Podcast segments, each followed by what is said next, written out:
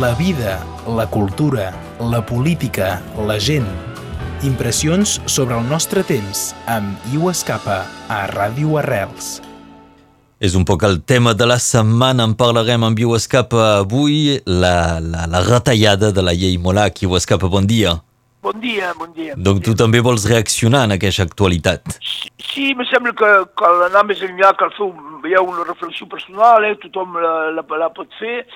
Jo diria, la, la, la primera cosa és que un grapat de, de, de diputats de diferents partits, un grapat, eh, eh, poden acabar amb una llei que ha estat feta per eh, una majoria ampli de, de l'Assemblea la, Nacional, és a dir, de la representació nacional.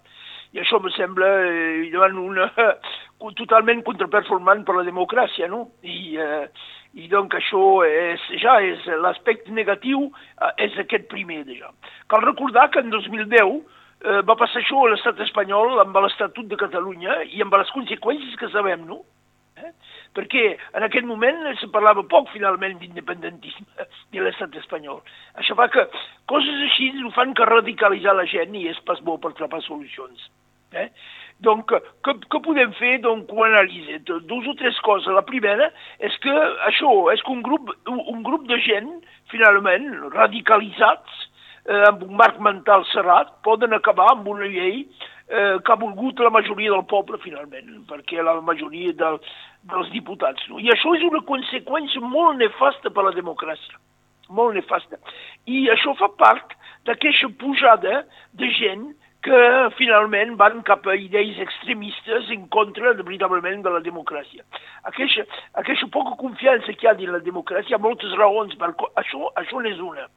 I recordaré una, eh, una frase d'en Camus que deia quan la democràcia és malalta, el feixisme ven a poc a poc al seu llit a, a veure a casa, no? Eh, però és pas per demanar notícies, no? Eh? Eh, donc, eh, I això em sembla que contribua molt bé, aquesta gent que, que se diuen tan democràtics i tan patriotes, contribuen molt bé a, eh, a fer malbé la, la democràcia. Eh, la, una segona raó és que avancen, eh, avancen raons o, o arguments, eh, per exemple, com perill per la llengua dominant, per l'unitat del país, per el risc de separatisme. Eh, I eh, al dia d'avui, al dia d'avui aquests eh, arguments que avancen, que avancen a, la, a la meva idea tenen cap, cap mena de fonament. Eh? Tots són anacrònics eh, i d'idees del passat, contrari finalment a l'esperit d'una Constitució democràtica. Si agafem per començar el perill de, de, de la llengua dominant, això fa riure, no? Això, això fa riure. Com l'occità, per exemple, pot posar en perill el francès dins l'estat francès. Això faria riure si era pas, eh, si era pas ridícul, eh? Eh, finalment. El, el perill veritable, finalment, pel francès és l'anglès, que aquesta gent s'ofanen de conèixer i de posar per tot arreu, no? Has d'utilitzar molts anglicismes. Això fa que s'enganyen de perill, com, com sempre, eh? els radicals sempre s'enganyen de perill, uns fan creure eh, un perill que no existeix. És una manera de manipulació, eh? fer por a la gent, a la gent que coneixen pas exactament per, per, per els dominar o els imposar eh, la, la seu, eh, la, les seues idees. No? Una, una, altra, una altra raó que hi ha pas cap perill per la llengua dominant, perquè la, el, tots els lingüistes són d'acord en tot el món per dir que hi ha pas una concurrència de, de, dels idiomes, que, que, que finalment un idioma s'afegeix afegeix una dimensió suplementària als individus i els hi permet de conèixer el món dins, del seu, dins de la seva complexitat i pas únicament amb un sol punt de vista. Què és això quan ets monolingue d'una manera o d'una altra i que rebutges els altres, els altres idiomes? El punt de vista únic francès i jacobí explica el marc mental tancal, tancats d'aquests jacobins radicals o d'aquests que se diuen patriotes exclusius, no? Eh? Això, això, I això també és conseqüència d'això. Explica també això. Diuen també, per exemple, un perill per l'unitat del país. Eh, què vol dir l'unitat d'un país? És la qüestió que, que poden posar. Si l'unitat d'un país vol dir que tothom té de fer eh, la, la mateixa cosa, el mateix dia, que, té, que té de tenir la mateixa forma de vida, la mateixa manera de veure, d'estimar, de creences, les mateixes creences, les mateixes fe, és evident que això és pas l'unitat del país. És la imposició d'una idea particular d'un grup de gent dominant. Això ha estat sovint així de l'estat francès, finalment. S'han tingut una imposició de, de, de gent eh, acomodada, vivien eh, eh, a prop de París o a París, no? I això també, dins el món actual, és un anacronisme perillós. Una visió totalment falsa de la realitat. Se pot dir una visió feixista de la realitat. Per què és el feixisme? Si n'hi un grup de gent que volen imposar la seva manera de viure i de pensar. És això, finalment, el feixisme. Eh? I donc, eh, donc això són gent que tot, tot dient ser democrats en són pas cap brí. Eh? Perquè el perill, el perill el dia d'avui jo el veig exactament al contrari. És que, per exemple, aquesta, aquesta gent que, eh, que dins d'un món, dins d'un món finalment tot, totalment obert, si voleu, eh, aquesta gent que pensen que poden imposar un model pensat com ideal, i ve molta gent se senten totalment marginalitzats o totalment fora no? d'això perquè és un, poden, se poden considerar com democràtics, capaços d'acceptar eh, les, eh, eh, les coses d'un país, però si se senten totalment fora, és evident que volen pas fer partida d'un món o, el, o ningú els vol tal com, tal com són. Finalment, és el més gran perill per fer una societat al dia d'avui. Eh? Eh, si, si, si voleu.